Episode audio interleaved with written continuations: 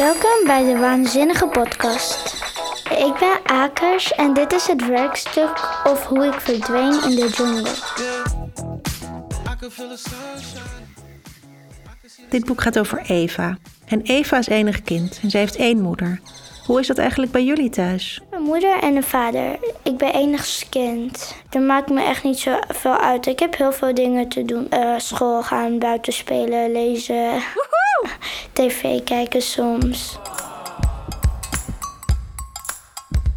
Het verhaal gaat over, zeg over een meisje dat een moeder heeft, maar ze weet bijna niets over haar vader. En ze moet op school een werkstuk doen over biologie. De een doet het over biologische tomaten, de ander over biologische wapens, maar dat mag niet van de juf. En dit meisje, Eva, Zij doet het dus over biologische vaders. Dan eh, probeert ze allerlei informatie te vinden over haar vader, maar haar moeder vindt het niet zo echt belangrijk. Ze wil eh, de man waarmee eh, ze een relatie heeft gehad vergeten.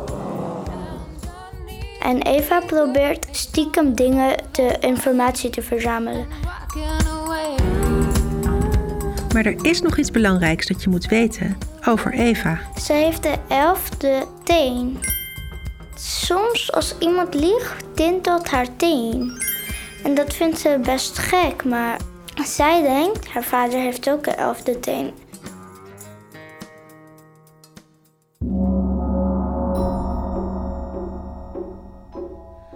Aan mijn rechtervoet zitten zes tenen. Zo ben ik geboren. De dokter heeft gezegd dat het niks ernstigs is en dat het heel vaak voorkomt. Van elke 3000 kinderen heeft er één een teen te veel of een vinger. Toch ken ik niemand die het ook heeft. Die extra teen ziet er heel gewoon uit, alleen ietsje kleiner en krommer misschien. Mama heeft me al een paar keer gevraagd of ik hem niet weg wil laten opereren. Ze gelooft me niet als ik uitleg dat ik iets heel bijzonders kan met mijn teen. Iets wat niemand anders kan. Soms begint hij ineens te prikken en te kriebelen. Een regen van warme speldenprikjes. Vroeger lette ik er niet zo op. Dan dacht ik dat ik gewoon te lang met mijn benen over elkaar had gezeten en dat mijn voet sliep. Maar dit was toch anders. Later begon het me op te vallen dat het alleen gebeurt als ik lieg. Maar het gekste is misschien nog wel dat hij ook soms begint te jeuken als iemand anders een leugen vertelt. Ik moet niet te ver weg staan en ik moet me goed concentreren op het gezicht en dan gebeurt het wel eens. Alsof mijn teentje me met zijn getintel influistert of het gelogen is of niet. Tja, geloof jij dat? Dat het echt kan? Zo'n tintelteen als leugendetector? En ik dacht, het was gewoon toch fantasie. De schrijver vond het leuk misschien om zo te schrijven. Hakas is niet bijgelovig. Hij gelooft eigenlijk nergens in. Meestal geloof ik mee iets wat ik eigenlijk met mijn ogen heb gezien. En als je soms ook iets ziet op een video of zo, kan het nog fake zijn. Dus vertrouwen kan soms zo moeilijk zijn. Vertrouwen kan heel moeilijk zijn. Daar weet Eva alles van. David, daar wordt Eva een beetje verliefd op. En dan komt Eva erachter van een cassettebandje. Op een cassettebandje luisterden mensen vroeger muziek. Je kon ook zelf muziek opnemen of iets vertellen, net als bij een podcast. En dat had de vader van Eva dus gedaan. Dit cassettebandje had hij aan haar gestuurd toen ze nog maar net was geboren. Het zou ergens bij opa liggen. En toen ze daarheen ging, wou David mee. Maar toen ging David eigenlijk de vader van Eva een beetje uitlachen. Hij ging een beetje, zeg maar, lachen om zijn stem. En Eva werd heel erg boos. Ze, had, eh, ze hadden zeg maar een soort van... waren ze allebei verliefd, maar toen was het er meteen uit. Wat ik toen dacht dat hij het niet echt zo belangrijk vond van Eva's vader. Hij vond gewoon zijn eigen dingen leuk. En hij vond Eva leuk. Dus hij, hij vond die vader niet zo belangrijk. Hij wil meer met Eva zijn of zo. Maar Eva vindt het heel belangrijk om haar vader te vinden. Ze stuurt David weg en luistert rustig naar de boodschap die haar vader twaalf jaar geleden heeft achtergelaten voor haar. Ze hoort zijn stem en hij speelt een prachtig liedje voor haar op de gitaar. Eva weet het zeker. Ze moet en zal haar vader vinden. Uiteindelijk belandt ze bij een tv-programma dat Verloren Tijd heet. Hun zoeken eigenlijk dus mensen wie een familielid verloren of zo is. Eva meldt hen aan en ze komen uh, bij Eva thuis. Maar Eva's moeder weet daar niks van. Ze doen een oefeninterview en besluiten dan dat ze weggaan. Sorry Eva, we spreken heel veel mensen en we kunnen niet iedereen helpen. Maar dan zien ze een foto van Eva en haar moeder. Eva's moeder is een heel beroemde zangeres, Sila Lux. En dan wil de filmploeg toch blijven. Ze maken een soort opnamestudio van het huis. En ze verrassen Eva's moeder als ze binnenkomt. Eva heeft gezegd dat haar moeder het goed vindt dat de filmploeg er is. Maar dat heeft Eva gelogen. Oepsie. De moeder van Eva schrikt zich rot van de filmploeg. Maar ze is ook verbaasd dat Eva al zoveel heeft ontdekt over haar vader. En ze begrijpt wel dat ze naar hem op zoek is. Ze mag van haar moeder met de filmploeg naar Suriname om haar vader te zoeken. Maar Eva is het niet eens met de manier waarop de filmploeg daar te werk gaat.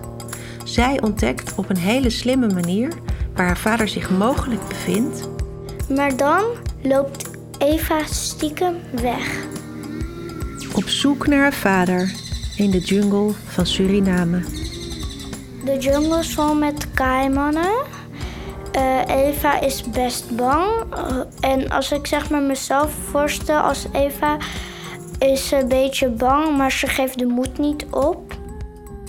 Het zijn wel heel gevaarlijke situaties, maar haar vader. En als ik haar in haar situatie was, zou ik wel ook willen weten wie is mijn vader? Waar is hij? En dan is het eigenlijk wel iets heel groots voor mij. Dus dat zou ik wel durven.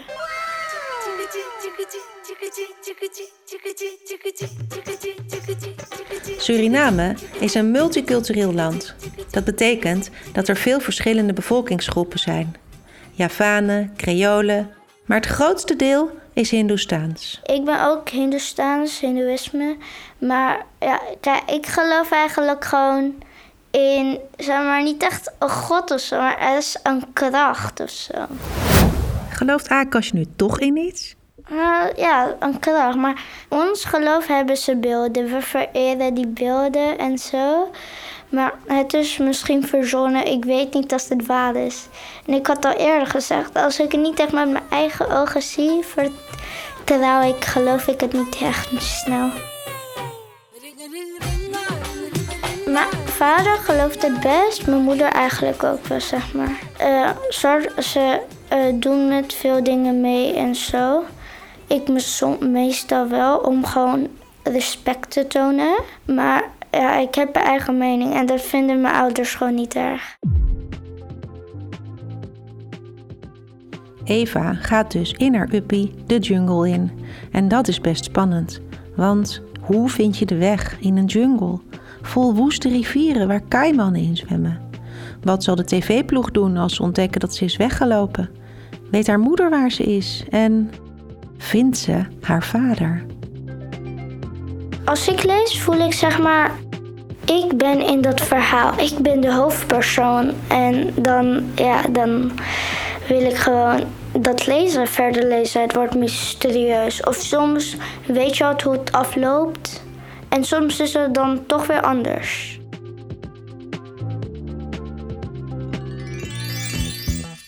Dit was Akash. Hij vertelde over het werkstuk of hoe ik verdween in de jungle.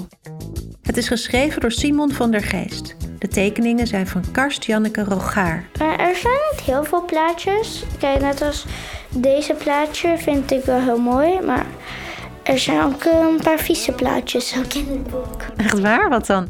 Over verliefdheid en zo, een beetje. Wat is er vies aan dan? Zeg maar, uh, over blote mensen en zo. Dat blote plaatje ga ik eens even opzoeken dan.